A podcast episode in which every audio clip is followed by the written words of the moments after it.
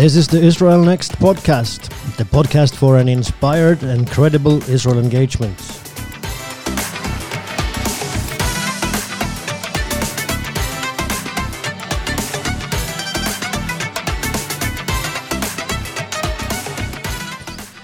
And I am Roar Sørensen, and with me, as usual, I have Alette Sørensen.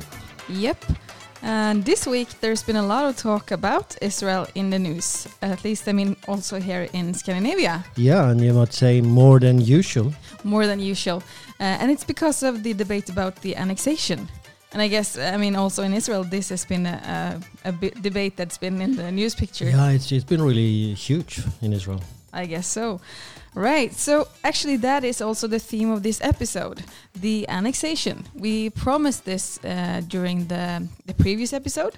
We said we're going to talk about annexation this time, and that's what we're going to do in uh, contradiction to many of those uh, promises that are given now during the election campaigns. Right, we're keeping the promise. So we want to know who, what, where, and of course, most importantly, why uh, when, when it comes to the annexation. But that's not all. We also have our inside out part, the news part that we always ha have. We didn't have it the last time though, because then it was the interview uh, with the representatives from uh, Gateway uh, Center for Israel. And if you didn't uh, listen to that, really recommend you to go back and just yeah, listen to do. the interview. Yeah, it was really inspiring and, uh, of course, interesting. So that's nice. So during the Inside Out, we're actually going to talk about archaeology because uh, there is, of course, much archaeology activity in Israel. But why are some people more interested in destroying than preserving the old history? So that is an issue that we're going to look into. And of course, also the new government. What's happening with that? What's the status? And so on. So a lot to look forward to. And also, we're going to look into the calendar. And uh, right now, or actually yesterday, it it was a day called Nakba. Uh, so that's what we're going to look into. But before all that, we're going to start with the kickoff. And kickoff, uh, yes. Who are yours? the floor is yours. That's yeah, true. And um, I have a question for you. Um, that is, I mean, based on the fact that uh, that you've been living there, and the experience of going to a supermarket in Israel is is quite different from uh, going to a supermarket here in Norway, Scandinavia, I guess Western Europe. And uh, so, so I would like you to describe this, uh, like coming to this supermarket. Uh, what what is different? What stands out? I mean, there are many things, but what what really stands out? Right. So, other than the products themselves, I mean, I guess there are a lot of products that I already that I've heard of or know from from Scandinavia. I mean, Heinz is Heinz also in Israel, uh, but uh, then I guess uh, like fifty percent that I never heard about or didn't understand what it was and so on. But other than because that, most is in Hebrew. Like. yes, of course. So it was uh, try, learn, and try, and all that. But uh, the first thing that comes to mind, I mean, uh, the culture of the supermarket, I guess it's the checkout personnel. Because that's another story. right. Uh, they are really interested in what you're buying in the product. So they usually they they take their time, they look at them, and then they uh, they can say, "Oh, so you're really going to buy four of these? Wow, that's interesting." And maybe they're they're they're saying that I've never seen it, this product before. Where did you find it? And uh, what does it taste like? Or they ask questions. They, yeah, they take their time, so they're not stressed out about uh, either time or efficiency. Or the long line that is standing there. Right. so I mean, it's kind of charming, uh, as long as I'm not in a hurry, I guess. Right. Yeah, that's true. And uh, yeah, that, that, that, there are so many like experiences when it comes to this about about uh, doing their makeup and eating their lunch and stuff in the middle of dealing with a customer. Exactly, and and checking the coupons because then they have to go away and check the register and yeah. Right, they have to go to Kuparashit, which it's it's called in Israel, and, and it's this this main register where, where the person that overseeing all the checkout personnel is sitting is sitting, and and very often they do this uh, in the middle of dealing with a customer. They they say, okay, I just have to go over to the Kuparashit. So this Kuparashit has become like a concept in Israel, and right now there's a comedy series of comedy that is going on in Israel about Kuparashit. Oh, really? so uh, I guess they have also understood uh, that there, this is possible to make something fun out of. Interesting. Okay, so that was a piece of Israeli daily life, but now we're moving on to uh, Inside Out and the news. Right, and uh, as Aletta said, we'll start with uh, archaeology, and uh, archaeology is ongoing. Like archaeological excavations are ongoing the year round in Israel. And if you didn't listen to the interview with uh, our, archaeologist uh, Joe Uziel, you can also go back and, and listen to that. Uh, so there's a lot of uh, archaeological ac- activity. But uh, what I'm talking about now, I want to talk about is uh, what is happening in Judea and Samaria. And I will be using that term now. Uh, I, I use it all the time, but for for most of the world, they would use the term the West Bank. But I use those historical terms, Judea and Samaria. And um, so, what is going on there right now because of the crisis with the corona? So, uh, these uh, officials that are like looking after and taking care of uh, heritage sites, uh, archaeological sites that haven't really been excavated, also, but also those that have, uh, they are not at, at work. Uh, we're talking about Israeli staff. And so, because of that, many um, Arabs, I have to say, that in, in this area, uh, are going there and they're plundering archaeological artifacts. Um, and it's not uh, it's not only that it is Arabs uh, Arab uh, groups that have been taken also while doing this, uh, but there's also uh, even the Palestinian Authority itself. Uh, just a few weeks ago, they paved a road over an ancient site going back to the Hasmonean dynasty. The Hasmonean dynasty was like 2,200 years ago, uh, Jewish dynasty, and they built a fortress. And now they, the Palestinian Authority came and, and paved a road up over the entire fortress, not the entire, but parts of it and uh, even put up a sign and, and said uh, this is a Palestinian heritage site. So there are bad things going on, and, and it's sad because, of course, this destroys things that cannot be restored again. This is lost forever if they destroy things. Very often they do because they, they don't have the methods how to really take artifacts away uh, in a good way. So that's one thing that is going on, and very sad things. So I really hope that um, these uh, people that are out there looking after this will be be out in the field again very soon. Another positive thing with archaeology was uh, uh, was published uh, on uh, last week. It was published uh, in connection with Lag BaOmer. We talked about that Jewish holiday that was last week, and uh, connected to that holiday is uh, a person called Bar Kokhba. And what they published now was a coin that dates back to Bar Kokhba. Now, this was a Jewish leader in the second century after Christ, and uh, he uh, he led a revolt against the Romans and so on. So they found this coin, and of course they timed the publishing of it to the Lag BaOmer holiday. So, but anyway, that this is going on all the time, and they find these amazing artifacts uh, and just witnessing about Jewish history, Jewish presence in the land. So. Um, interesting stuff. That's uh, archaeology. Um, if we then go on and uh, continue speaking about uh, the government, we were supposed to sit here now and speak about uh, the government that had already been uh, installed because it was supposed to be installed on Wednesday, was delayed until Thursday, and now it's going to be Sunday. So um, we'll see if uh, if it will be on Sunday. The, I, I do believe it will, but. Um, because of problems in forming the government and especially dividing these uh, minister posts, uh, especially in Likud, uh, that that's why it has been delayed. So there has been a kind of little revolt uh, almost in the Likud because many of these uh, supposed or, or wannabe ministers didn't get a minister job or they didn't get what they wanted. And this is a, a result of uh, the negotiations between Likud and the Blue and White Party. Uh, so uh, there, there are big demands on both sides. And uh, we have talked about this that there is a big lack of trust between the two sides. So um, they have uh, now divided these uh, minister posts between them, and, and they have ex- like they have exaggerated. I mean, really, really blown up this government to 34, maybe 36 ministers. Uh, it usually is around 20. Uh, so they, they and they have done this in order to satisfy the the people in their party, the Knesset members. So um, and also to to keep the balance between the two parties.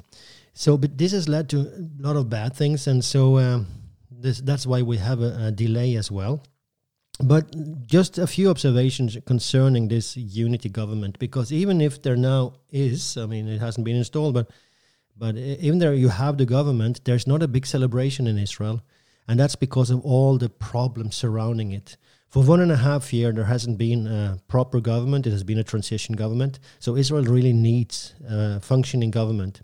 But because of the lack of trust, uh, these uh, two parties, the big parties in the in the coalition, Blue and White and Likud, they have now a veto power, the power of veto for every government decision, and that that's not good for it.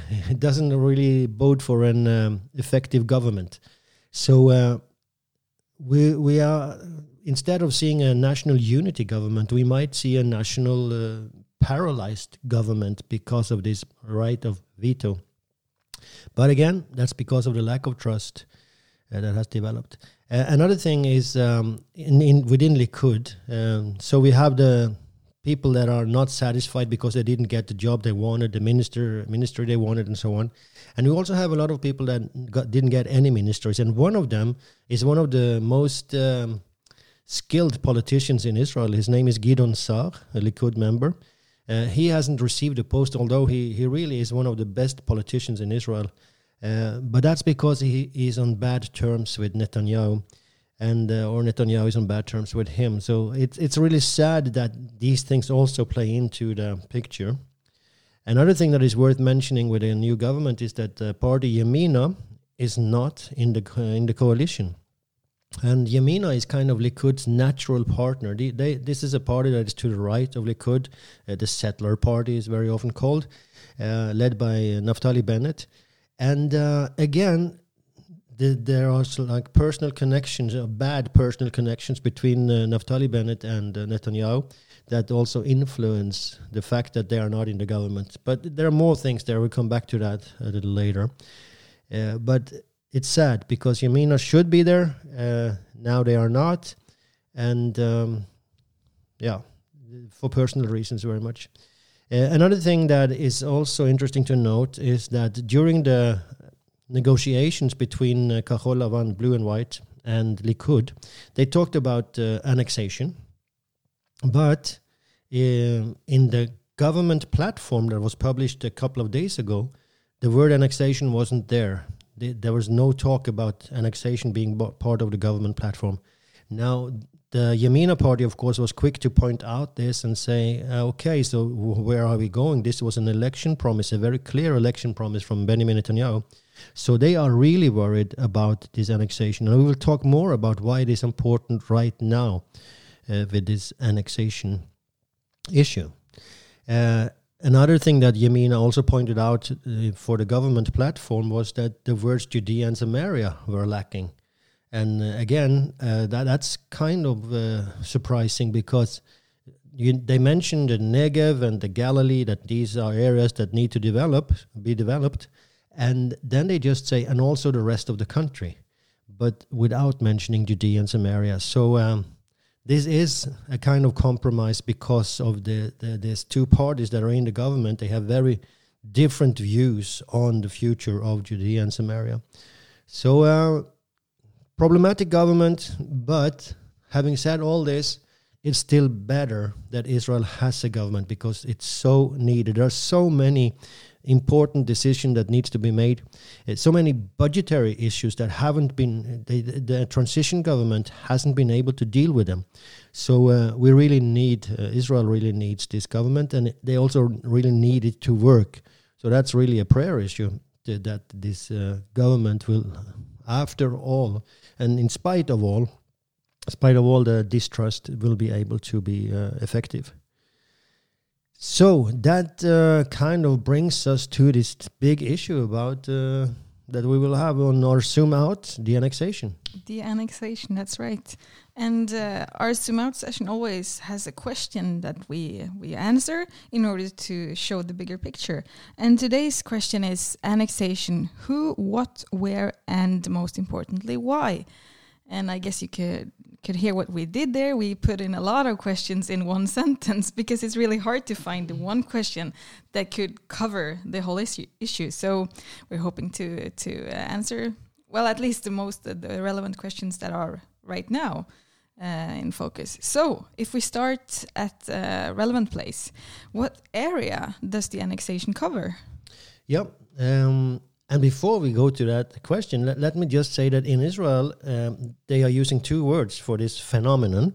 Uh, one is the word annexation, and the other word is uh, in Hebrew, latil ribonut, or sovereignty, apply sovereignty. And, and really, that's uh, an important discussion because uh, it will it goes back to the legality, the legitimacy of it all. Uh, but I, will, I just want to say this that the, on the left side, they have no problem using the word uh, annexation but connected to that word, if you look it up in a dictionary, you will see that it's often it's connected to something illegal, and it's uh, connected to taking territory from another state. Whereas uh, applying sovereignty do, does not have that connotation. So on the right, they use that that term because they say we have a right here.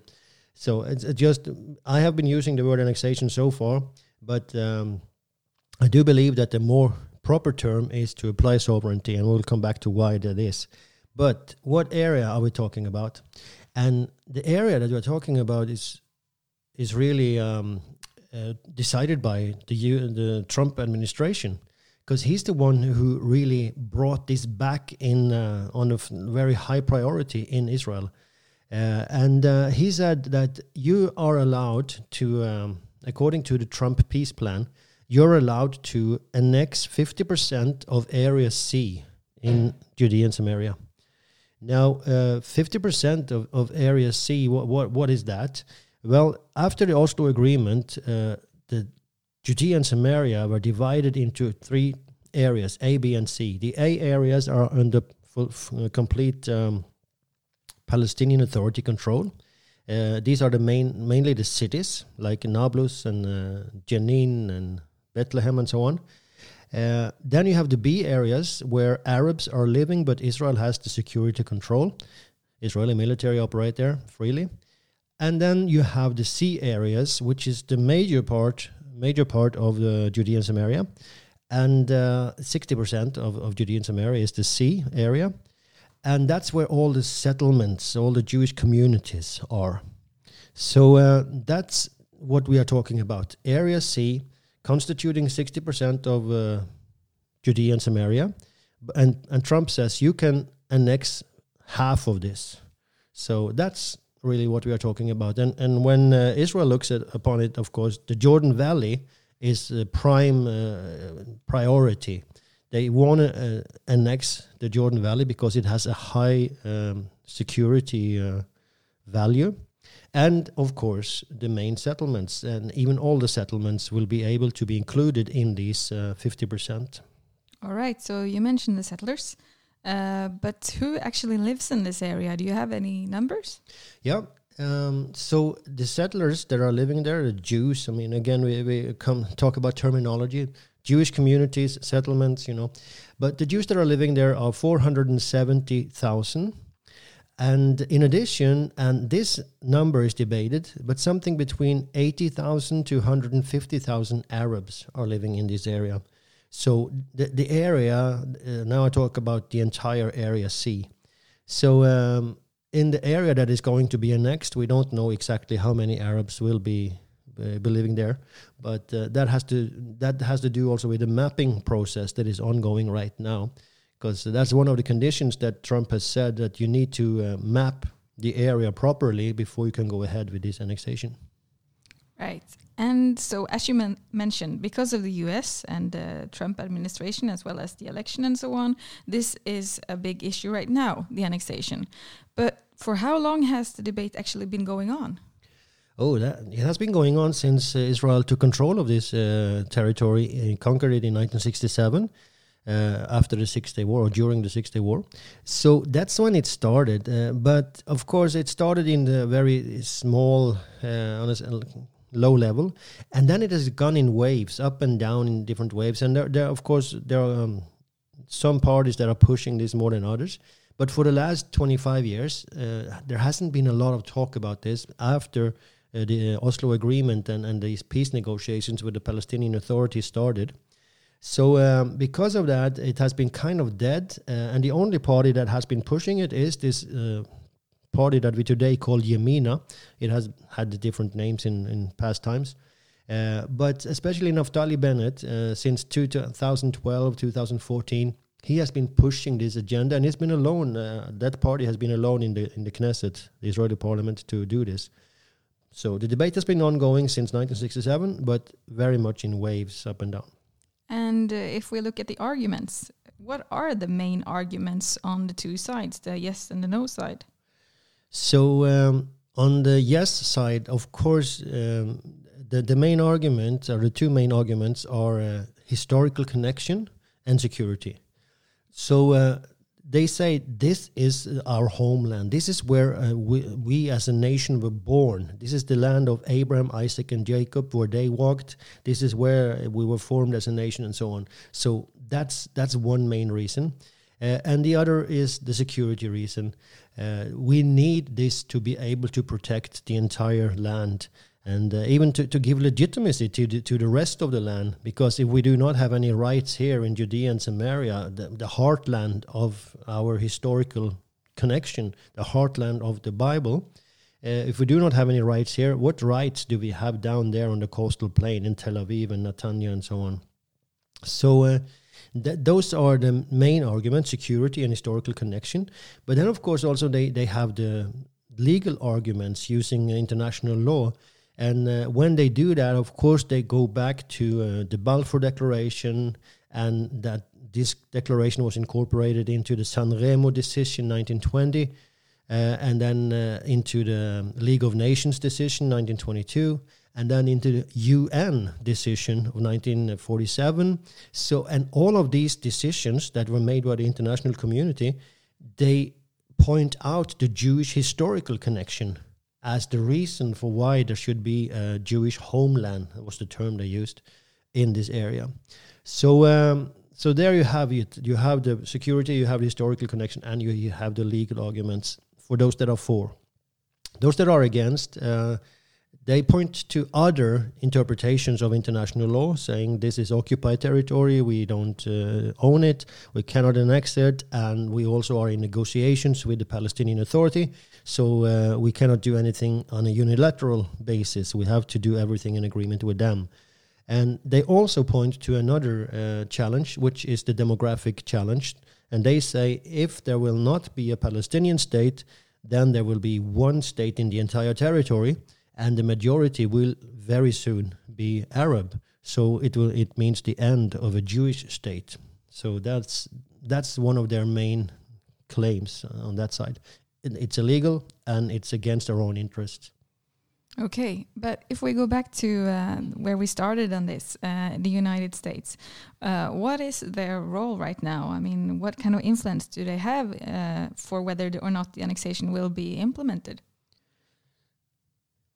So um, the the U.S. kind of, as I said, they, they set the stage for this when Trump uh, came into the White House uh, and um, lifted this topic. Uh, he did several things. You know, he moved the embassy, he um, accepted the Golan as part of Israel, and so on, recognized Golan Heights, and then he said, uh, come, came with this uh, peace plan. So. Um, in many ways, the decision to uh, whether there will be an annexation is very much based on what happens in Washington. It's not an only an Israeli decision. So um, that's the first thing. The second thing is also the timing of it. And, and as I said already, uh, Trump has said you need to map the area properly so we know exactly what parts will be part of this um, annexation. Um, and um, you also need to negotiate with the Palestinian Authority during four years. From the minute you uh, start your annexation, you start also negotiations with the Palestinian Authority with the aim of establishing a Palestinian state. So that's those are the conditions that Trump has set. Now, if uh, the Palestinian Authority will not negotiate, which is most likely because they have rejected the entire propos- proposal from Trump, uh, so in any way, Israel has to stretch out their hand for four years for negotiations in good faith and uh, when those four years are over, and if the Palestinian Authority has not negotiated, we, it's unclear what will happen. It seems like Israel will be released from this promise. We don't know yet, but um, those are the, are the conditions. And this condition, negotiating for a Palestinian state, uh, is why Yamina does not want to enter the government because they do not want to accept that uh, condition. Okay. And uh, what about the rest of the world? Uh, what does their, I mean, opinion? Uh, how does it did it affect Israel? Yeah, uh, let's just take the Israeli opinion also, because there was a survey in Israel. Um, so, what do Jews in general think about this? And and in that survey, did among Jews in Israel, there's a majority that is for annexation, 52%, and 27% are against. That, that's among the Jewish population of Israel. If you add the Arab population, the the numbers that are for it goes just below 50 and the numbers that are for goes above 30 uh, that are against goes above 30 so um, but you, you might say that there is uh, many more that are for that are against. So that's in within israel. Uh, when it comes to outside Israel, there is huge, uh, what you call it, uh, opposition in Europe. And uh, just yesterday, there was a big debate in the EU. I haven't really seen the result of that, but the, EU was supposed to discuss what will we do if Israel starts annexing, and, and of course the plans were sanctions and boycotts and stuff. So you have certain states within the EU that are pushing this line. We need to put sanctions on Israel, boycott Israel on different in different areas. But you have other states in the EU that are against this. So it seems like the EU will not be able to come with a unified uh, decision on this, and, and that of course strengthens Israel. Uh, but then you have Israel's neighbors, close neighbors, and especially Egypt and Jordan, with which uh, Israel has peace agreements. And what will happen to those agreements is uh, on the left side in Israel, they say that these agreements will collapse and it will be a catastrophe for Israel. Uh, that, of course, is very alar- alarmistic because Egypt and Jordan have their own interest in keeping these agreements. They, they benefit from them themselves, especially Jordan, uh, and not at least in the struggle against Iran, which is coming up as a, a strategic threat to both Egypt and Jordan and Saudi Arabia and so on. So uh, these nations they need Israel. The, the question is if they can con- control what will happen on the street, because on the streets, because of years and years of anti-Israel propaganda in those countries, uh, the streets are very uh, opposed to Israel. So there might be rebellions on the streets and stuff, and if that com- becomes too strong, it might uh, even influence the decisions of the, go the governments in these countries. So you mentioned uh, a few probable consequences of uh, if there would be an annexation, but what do you think uh, is probable? What, what do you think might be the immediate consequences of uh, an annexation? So um, the immediate consequences, uh, of course, for those living there are, are um, if you talk about the, the Jewish population first, uh, they're not very big, like um, on a practical level, but mentally they are uh, huge. They are enormous because finally the settlers that we're talking about will now be able to say we are part of israel proper. We are here to stay. No one can uh, come one day and throw us out of here. And i believe this will lead to a lot of creativity a lot of investment in those areas. So uh, so that's uh, the first thing that is and I think it's very important. It will also give clarity to uh, Israel's policies because finally Israel is saying hey these are areas that we ourselves have rights to. And uh, so the the status of these territories will finally be be uh, finalized. And that is also creating clarity. So I believe really that uh, when it comes to then the, the Arab citizens of this area uh, I believe Israel will extend them to them and will offer them citizenship. Uh, this is a debate going on in Israel what should be done to them. Uh, but I, am pretty sure that Israel will offer them citizenship. I'm not sure that they will accept it. This is exactly what happened when Israel annexed uh, East Jerusalem and offered the Arab citizens there uh, citizenship. But most of them didn't accept it because if they do, they will have problems traveling to Arab countries with an Israeli passport. Uh, but anyway, I, I do believe uh, that this is what Israel will do, and they should do it as well because they cannot have two groups of people with uh, living under different conditions and laws in, in their country. uh, in that sense without offering them at least uh, citizenship. So that's for, for those living in the area. And uh, what about the fears or the accusation that are made by media outside of Israel?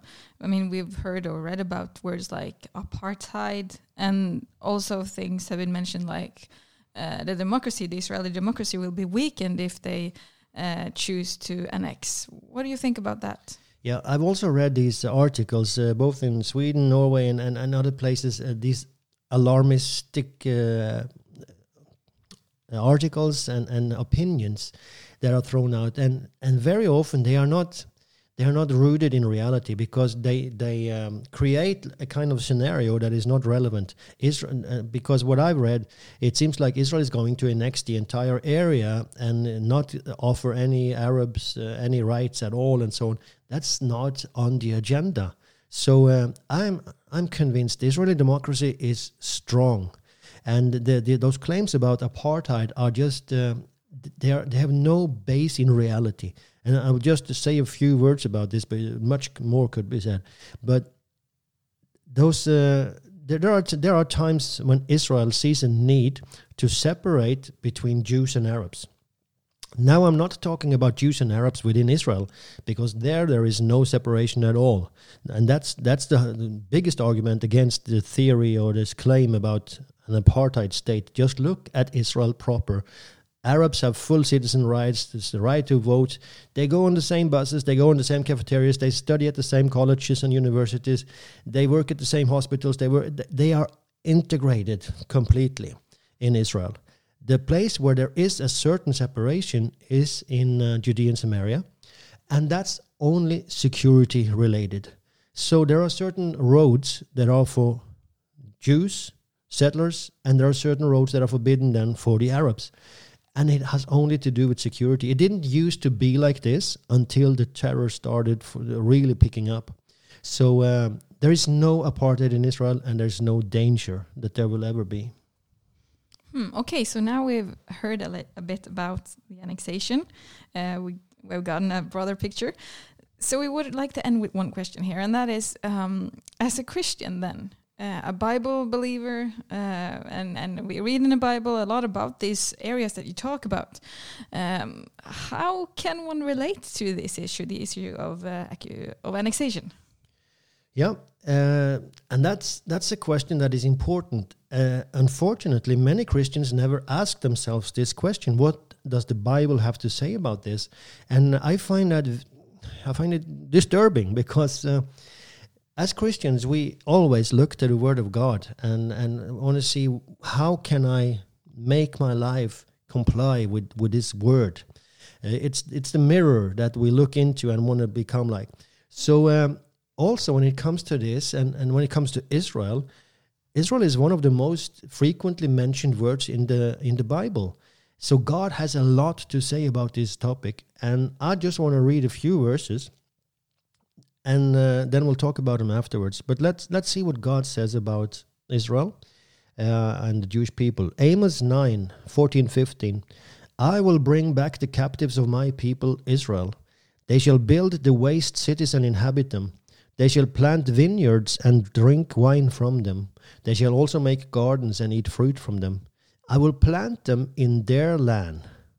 Pay attention what God says here in their land, not somebody else's land and no longer shall they be pulled up from the land I have given them, says the Lord your God. So that's one uh, verse. I'll take another one, but just pay pay attention here that when you look at the context of Amos nine, this this is speaking about the end of times. This is not a fulfillment that was completed already um, when they returned from the captivity in Babylon. This is talking about our days. Ezekiel 28 25 to 26. Thus says the Lord God, When I have gathered the house of Israel from the peoples among whom they are scattered, and I am hallowed in them in the sight of the Gentiles, then they will dwell in their own land, which I gave to my servant Jacob. So here God is becoming even more specific. The land that I gave to Jacob. Now, what land was this? Well, we have to go back and look in uh, Genesis. Won't do that right now, but here God is very specific. It's not just any territory. It's the land that I gave to my servant Jacob. They will dwell safely there, build houses, plant vineyards. Yes, they will dwell securely when I execute judgment on all those around them who despise them. Then they shall know that I am the Lord their God. And if you go to Jeremiah 31 and uh, verse 5, you will see that God becomes even more specific and he says, I will bring you back to the mountains of Samaria now, the mountains of Samaria is what uh, the international community calls the West Bank. It's the northern part of the West Bank. Jeremiah 33 13 mentions the cities of the mountains. And when the Bible speaks about the mountains of Israel, it is the West Bank, it is Judea and Samaria. So Jeremiah 33 speaks about bringing you back to the mountains, to the lowland, which is uh, the area going down towards uh, towards Gaza, the south, the Negev, Benjamin, which is just north of Jerusalem, and Ramallah is located there. Uh, Judea, Jerusalem. All these places are mentioned in Jeremiah 33. Uh, when God says, I'm bringing my people back. And also in Jeremiah 50, verse 19, it mentions Carmel, the mountain Carmel, Bashan, which is the Golan Heights, Ephraim, again, Samaria, and Gilead. So uh, these are verses that that we as Christians we cannot just ignore them. I mean, if if you read this, you have to somehow relate to it. Either you say, "Well, this is not for our times." This is then you have to give arguments for why it's not for. But you cannot just ignore it as a Christian. And uh, the way I see it, the way I read the Bible, this speaks about our times. So important. We have to pay attention to what God says about these things. And when we do, I cannot, as a Christian, be for those who say that Israel must give away their land that they now control. It they control Judea and Samaria, and I cannot be on the side of those who say, "Leave it." When God says, "I will give it back to you." Having said all that, there's another point that is very important, and that is also stressed time after another in the Bible, and it has to do with the stranger. Uh, because God says time after another that you should take well care of the stranger that dwells among you. You should really like care for him and and include him. Uh, and it comes time after another. It, it's it's not like a side issue uh, with God. So when I look at that, then I see that the, the the stranger shall dwell among you, meaning the framework is Israel. The land itself is the land of the Jews, but within you there are also others. And that's how it should be. Uh, so God sees no contradiction in loving the Palestinian Arabs and at the same time saying the land belongs to the Jews, and neither should we. There's no contradiction. We uh, love human beings because every human being is created in God's image. So God sees no contradiction, neither should we. And I, as I already mentioned, I firmly believe that uh, Israeli control of these areas will lead to better lives both for Jews and Arabs. And uh, the, the proof that I, I give for that is just ask the Arabs in Israel do they want to live in a Palestinian state? No. They enjoy Israel. Ask the Palestinian Arabs living in Judea and Samaria if they uh, which democracy they admire the most? Israel. So uh, these are, are the proofs that israel is really taking care of its minorities. And let me also before i, I end this just mention that uh, in the end I have given a lot of opinions here now, but in the end, Israelis will decide on what hap- what is happening with the, uh, these territories, uh, if there will be an annexation or not. I'm not the one to decide. They are the one who live with the consequences, and uh, I I just think that you and I we can really pray. We should pray based on the word of God and uh, we should also give present the arguments that give Israel legitimacy, that give Israel the rights, because there are so many, whether they be international law, they be historical, they be moral, they be biblical. There are so many arguments that could be presented for Israel's right to Judea and Samaria, and in the end, they themselves have to decide.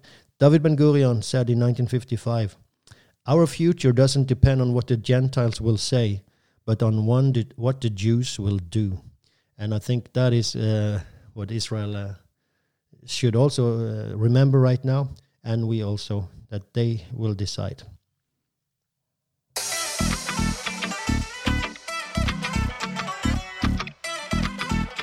And it's time to read another verse from the Bible, and this time from Psalm 36 and uh, verse 5. And there we read Your mercy, O Lord, is in the heavens, your faithfulness reaches to the clouds. And this is one of my favorite verses. Uh, it's just so so good to draw strength from God's word, and just to uh, to listen and let it sink in. I mean, it's it's life uh, his promises and his i mean salvation everything that it includes it's life. So we read it again just let uh, the promise of god just sink in. Your mercy o lord is in the heavens. Your faithfulness reaches to the clouds. Amen. It's it's so good. I mean in the end you know after speaking so much politics and uh, international politics and pressure and it's so good to just take the word of god and know that God, you are in control. We we uh, do not have to fear. We do not have to live in fear. Do not fear is one of the words uh, that are repeated most in the Bible. So, um, in spite of what goes on in Israel, annexation, low annexation, all these things, the corona, whatever, lift our faces and look up to Him, and that will always be uh, the solution. In the end, He is in control. True. Really truth. And uh, one last thing that we're going to look at today in this episode is the calendar. And uh, one day that was actually was yesterday, Friday, 15th of May, uh, was Nakba. Can you tell us a bit more about that? Yeah, uh, very briefly, just uh, say that uh, the Nakba is on May 15th because that's the day after May 14th. Yeah, we learned so much in this podcast. right. Um, so, but May 14th, 1948, Israel was established. Uh, and the Arabs have taken the day after uh, to uh, to mark what they call the Nakba, the catastrophe, catastrophe, which they they consider Israel to be the establishment of Israel. So, um, and of course, during that day, normally there would be a lot of riots going on in uh, in uh, Israel and also especially Judea and Samaria, uh, and stone throwing and Molotov cocktails and stuff. This year it was much more silent because of the situation, but uh, they of course blame Israel for this catastrophe, which they call it. Uh, and of course, it was a catastrophe also the, the, the thing is just that the, Arabs uh, were the ones who decided to go to war, so it's really hard to blame Israel for for the consequences. But anyway, this uh, is a struggle for narrative, and this Nakba Day has become more and more popular the last as the years have gone by, and it's been also been like uh, adopted internationally like this is the day of nakba for the palestinian people. But it's it's really a narrative struggle and uh, it goes back to what you talked about in our archaeology as well. We will take that uh, uh, in another podcast because it's a topic by itself uh, these two narratives that are presented the israeli and the palestinian arab. Yeah, a lot of things about the conflict is about narrative, so we come back to that often, I guess. Uh, but now we're going to end this episode, and uh, well, if you if you uh, like what you hear or if you find it interesting, please just tell a friend.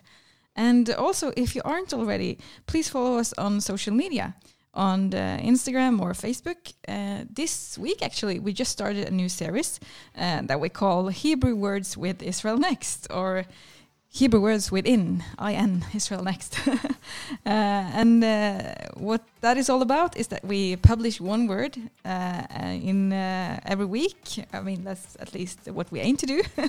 one word every week. And it can be a biblical word, a funny word, modern, words from the military, religious words, or just, I mean, words that say something about Israeli culture and, and everyday life. So we are looking forward to that. Yeah, it's going to be. I mean, it, it, Hebrew is such a rich language, and there's so many things that are connected to these different words. Uh, they have a history, and so it's going to be fun just uh, even writing about this and, and then presenting it to you. And we hope you will enjoy it. And please just give us feedback or ask questions and everything. You're really welcome to. Absolutely. So that was this uh, podcast. Uh, so meanwhile, until next time say something good about Israel.